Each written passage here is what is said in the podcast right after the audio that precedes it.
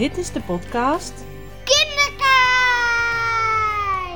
Ik ben Linda van der Meulen. In deze podcast deel ik mijn inspiratie en ideeën rondom het kijken naar kinderen met jou. Deze aflevering over de 100 talen van kinderen, begrijpen met je handen en de woordkunstenaar.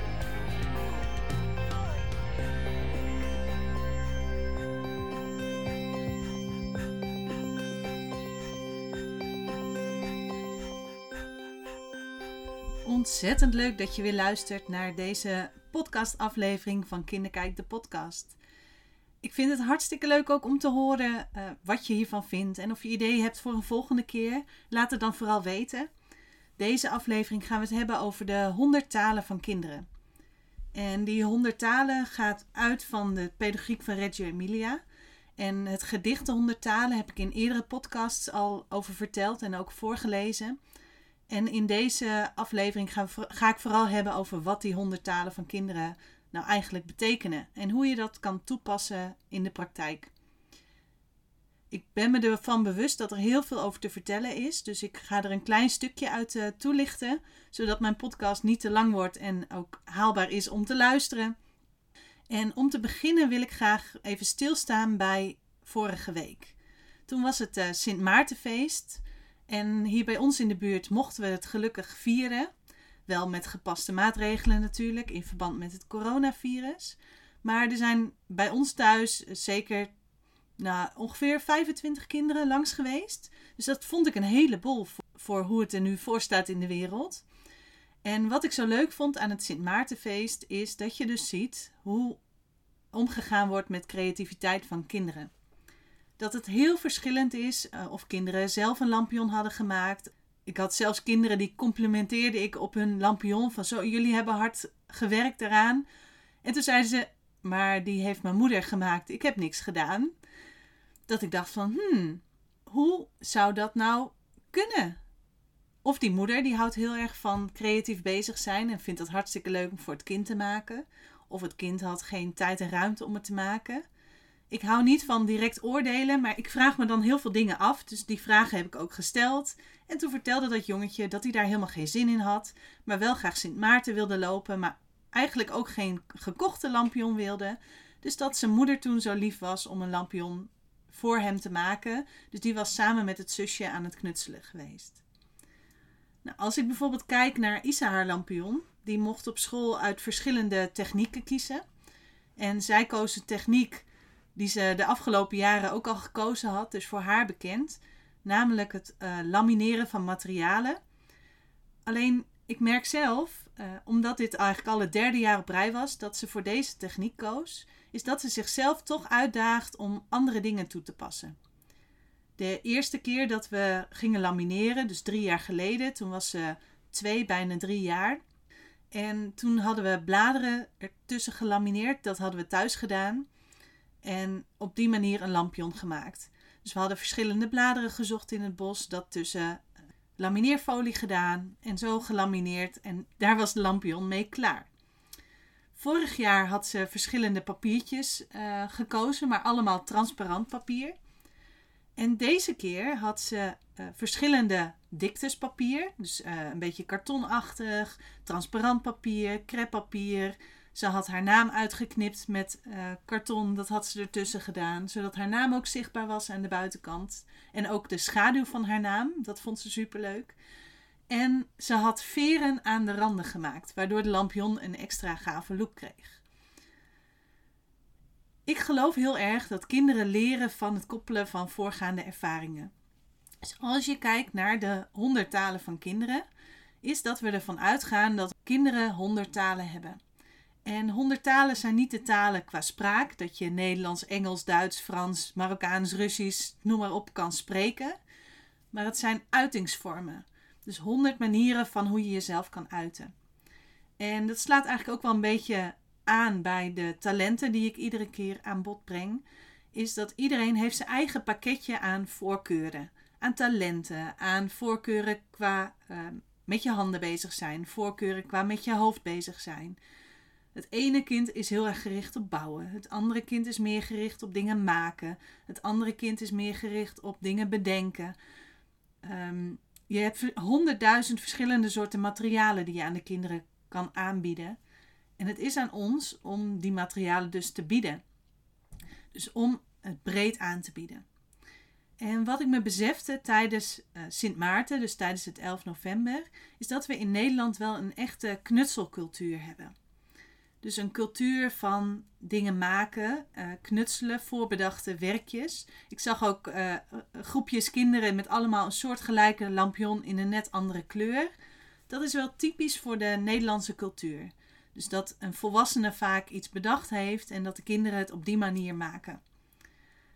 Zoals ik al zei, dat is niet per se fout, want daar leren kinderen natuurlijk heel veel van.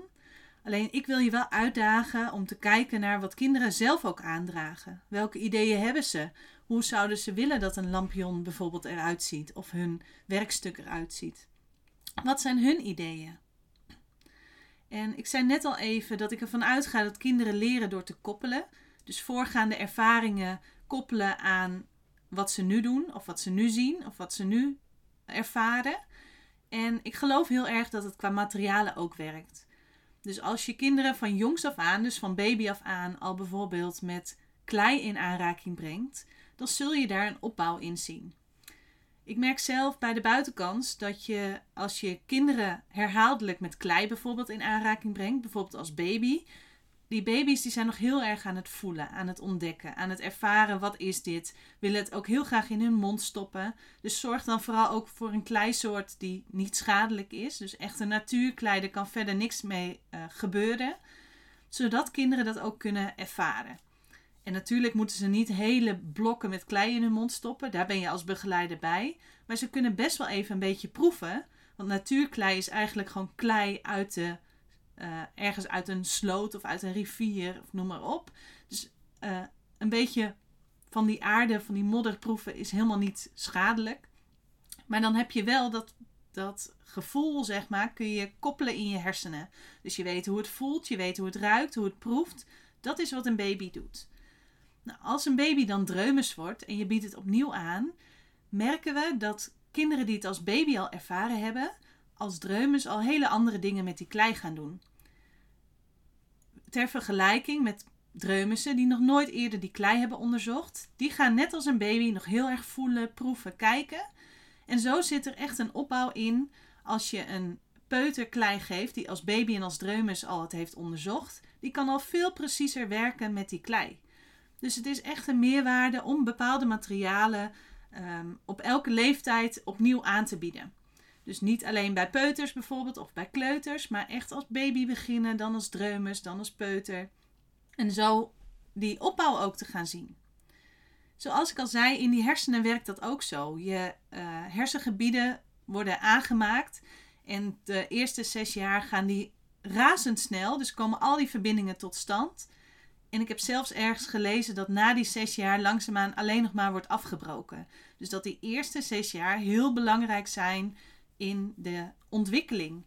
Dus in die eerste zes jaar moeten kinderen zoveel ervaringen opdoen en verwerken, worden al die basissen in die hersenstructuren aangelegd. Dus het is zo belangrijk om in die eerste jaren honderdduizenden materialen te mogen ervaren, proeven, voelen. En hoe lastig dat soms ook is als ouder of als begeleider, dat je denkt van, oh, uh, ze trekken alles uit de kast dan mag je het ook best kaderen. Dus aangeven, hier mag je bij, hier, hier kan je mee werken. Dit staat hoog, daar mag je om vragen of doen we onder begeleiding. En jonge kinderen leren vooral vanuit verwondering en nieuwsgierigheid. Dus door het te onderzoeken, door het te ervaren, te voelen, te proeven. En als je ze daar de ruimte voor geeft, leren ze nog veel meer van die hersenverbindingen aanmaken. En wat vooral ook vanuit het gedicht van de honderd talen benoemd wordt, is door niet de al ontdekte wereld te geven. Wij volwassenen zijn snel geneigd, omdat wij die rugzak aan ervaring al hebben met heel veel kennis van hoe materialen werken, om al voor het kind te benoemen wat hij met een bepaald materiaal kan. Maar wat kinderen zeggen en laten zien en willen, is vooral dat materiaal eerst eens ervaren. Dus nog niet eens per se een kleurplaat, kleurplaat kleuren, maar vooral eens krassen op een papier zetten, wat jonge kinderen doen. En dat met verschillende soorten potloden, wasco, noem maar op. Om dat papier te ervaren. En wat gebeurt er als ik dat papier scheur? Wat gebeurt er als ik het verfrommel? En de volgende dag komen ze karton tegen. Daar proberen ze ook op te krassen. Hé, hey, er blijft ook een afdruk achter. Ze gaan proberen te verfrommelen. Nou, met karton gaat dat een stuk lastiger. Ze proberen te scheuren. Dat is ook lastiger met karton. Een ander moment komen ze plastic of iets tegen. Een, een uh, hoesje bijvoorbeeld. Daar proberen ze op te kleuren. Nou, daar blijft veel minder een afdruk achter. Ze proberen te scheuren. Dat is ook heel lastig. Ligt eraan hoe dik plastic je hebt natuurlijk. Maar zo, al die voorgaande ervaringen, daar leren kinderen van. Daarmee leer je wat kan je met papier, wat kan je met karton, wat kan je met plastic, wat kan je met ribbelkarton, wat kan je met klei bijvoorbeeld, kan je daar ook op tekenen, blijft dan ook een afdruk achter. Dus op die manier leren kinderen die verbindingen in hun hersenen maken en leren ze wat ze met materialen kunnen. Kinderen leren vooral ook door fouten te maken. Dus door een papier waar ze eigenlijk een mooie tekening op hebben gemaakt, waar ze heel trots op zijn, te scheuren. Waardoor je die tekening stuk gaat, daar leren ze van. De volgende keer als ze een tekening hebben gemaakt waar ze trots op zijn, zullen ze dat dus niet meer doen. Uh, in de regiopedagogiek wordt heel vaak het woord atelier genoemd. En een atelier is een ruimte waar je creatief met kinderen aan de slag kan. En in die ruimte kan je um, met verschillende materialen aan de slag. En het hoeft niet eens per se een aparte ruimte te zijn, zoals je een atelier van een kunstenaar kent. Het kan ook een hoek in de groepsruimte zijn, of een knutselhoek in je woonkamer of de kamer van je kind. Maar het voordeel van het atelier is, is dat daar een ruimte is waar spullen mogen blijven liggen. Dus dat je materialen daar kan blijven liggen en dat je niet beperkt bent door het dagritme bijvoorbeeld van we moeten de tafel opruimen want we gaan zo eten. Het fijne aan het atelier is dat je daar aan de slag kan, dat je de ruimte hebt om daar creatief bezig te zijn, dat je daar rommel mag maken uh, zonder dat je beperkt bent in we moeten zo weer opruimen, we moeten weer verder. Het voordeel daarvan is dat je later weer verder kan waar je mee bezig bent. Of dat als je met een groep werkt, dat je met elkaar aan één kunstwerk kan werken. Het in het atelier kan laten liggen, dat de volgende dag of het volgende moment andere kinderen met datzelfde werkstuk aan de slag gaan. Nou, wil je meer inspiratie ehm, over het werken met kinderen vanuit deze uh, visie, dus vanuit de honderd talen, uitleg van het atelier, dan kan ik je het boek Begrijpen met je handen aanraden. Dat is een boek van Annette Weterings en Sabine Plamper. En in dat boek staat heel mooi beschreven verschillende voorbeelden, maar ook praktische tips voor mensen die creatief willen werken met kinderen, maar anders dan de standaard creatieve werkstukken zoals we in Nederland in onze knutselcultuur gewend zijn. En in dat boek stond ook een hele mooie uh, tip. Als je bijvoorbeeld de neiging hebt, een kind heeft iets gemaakt en je hebt de neiging om te zeggen: Wat heb je dat mooi gemaakt? Dan doet dat afbreuk aan wat het kind heeft gemaakt. Misschien vond hij het zelf wel helemaal niet mooi, of misschien zit er een heel ander verhaal achter het werkstuk. Wat ook nog eens zo is, als je uh, kinderen complimenteert op het resultaat, bijvoorbeeld je zegt wat een mooie tekening, kan dat juist onzekerheid zaaien. Omdat kinderen nog volop in ontwikkeling zijn en ze gaan zich dan meten aan: oké, als dit een mooie tekening is, dan is de tekening die iemand anders heeft gemaakt, is dat dan ook mooi? Of, uh, maar die vind ik eigenlijk mooier. Maak ik dan minder goede tekeningen? Dus focus je vooral op hoe het kind het, het aanpakt. Dus op de inspanning in plaats van op het resultaat. Dus complimenteer de moeite die het kind doet. En als je dan kijkt naar dat boek Begrijpen met je handen, daar beschrijft ze heel mooi een aantal tips. Als je die neiging hebt om mooi te zeggen, kun je ook vragen stellen. Dus door op het proces te richten in plaats van op dat eindresultaat. Bijvoorbeeld door te vragen: kan je er meer over vertellen? Of hoe heb je het gemaakt? Waar is het van gemaakt? Heb je zoiets al eerder gedaan? Hoe ben je begonnen? Hoe kwam je op het idee? Wat vond je het leukste onderdeel? Hoe zou je je werk kunnen noemen? En heb je er lang aan gewerkt? Op die manier ga je dus het gesprek aan. En natuurlijk kan dat bij baby's of dreumen nog niet. Uh, maar wat vooral belangrijk is, is je bewustzijn. Zodra kinderen een tekening bij jou komen laten zien, dus meestal is dat ook vanaf de peuterleeftijd, is dat je die neiging om mooi te zeggen eens inslikt. En je eens afvraagt van, hey, heb ik het kind zien werken? Dus kan ik iets zeggen over het proces? Bijvoorbeeld, wat heb je hard gewerkt? Ik zie dat je geconcentreerd bezig was. Ik zag dat je het moeilijk vond en dat je toch doorging. Wat ben jij een doorzetter? Zulke dingen blijven in die hoofden van de kinderen hangen. En als je complimenten geeft op het proces in plaats van op het resultaat, dan zul je ook merken dat die koppelingen in die hoofden gemaakt worden. Als je regelmatig te horen krijgt, jij bent een doorzetter, dan blijft het ook hangen. En dat is een verschil met een mooie tekening maken, terwijl je er zelf misschien niet tevreden over bent. Of een mooie tekening maken, maar in je ontwikkeling ga je ook steeds beter tekenen. Dus wanneer is iets mooi? En daar kun je natuurlijk ook hele gesprekken over hebben. Wat vind jij mooi? Wat vind ik mooi? Nou ja, als je kijkt naar mooi maken, ik heb eerder al over het talent van de mooimaker verteld. En het talent wat voor mij deze keer centraal staat, uh, gaat over mooie woorden. En dat is namelijk het talent van de woordkunstenaar. Want welke woorden je gebruikt, doet ertoe. Hoe jij kijkt en luistert en hoe je daarop reageert naar de kinderen, dat maakt verschil. Nou, wie als talent de woordkunstenaar heeft, die is gek op mooie woorden, mooie zinnen, op nadenken over wat je wil vertellen en hoe je dat vertelt. En als je dus de goede woorden vindt voor wat je wil zeggen, dan voel je dat het klopt. En die woorden kun je uitspreken, kan je opschrijven. Uh, woordgrapjes, versprekingen vindt de woordkunstenaar fantastisch. Daar kun je echt om lachen. En wat belangrijk is voor zo'n woordkunstenaar, is dus een omgeving zoeken waar je dat talent kwijt kan. Dus waar je dingen mag gaan opschrijven, in welke vorm dan ook. Bijvoorbeeld een nieuwsbrief voor je werk maken of ehm, mooie gedichten schrijven over wat je meemaakt. Jij kan het verschil maken, omdat de manier waarop jij iets zegt of schrijft is uniek. En zo is het dus ook ehm, als je kijkt vanuit 100 talen. Ieder heeft zijn eigen unieke pakketje aan voorkeuren, aan talenten, aan mogelijkheden. Wat goed is voor de woordkunstenaar om zich bewust van te zijn als je je hierin herkent. Dus als je gek bent op mooie woorden, dingen benoemen, vertellen. Meestal zijn dat mensen die makkelijk praten. En niet iedereen heeft dit talent. Dus waar je voor mag waken is dat je ook anderen aan het woord laat. Dus dat je regelmatig vragen stelt of anderen betrekt bij een verhaal. Ehm, wat ook kan helpen is als je iets op papier moet zetten en uh, dat talent um, vind je lastiger, dat je dus hardop in jezelf praat, um, hardop je gedachten weergeeft, waardoor je het makkelijker op papier krijgt.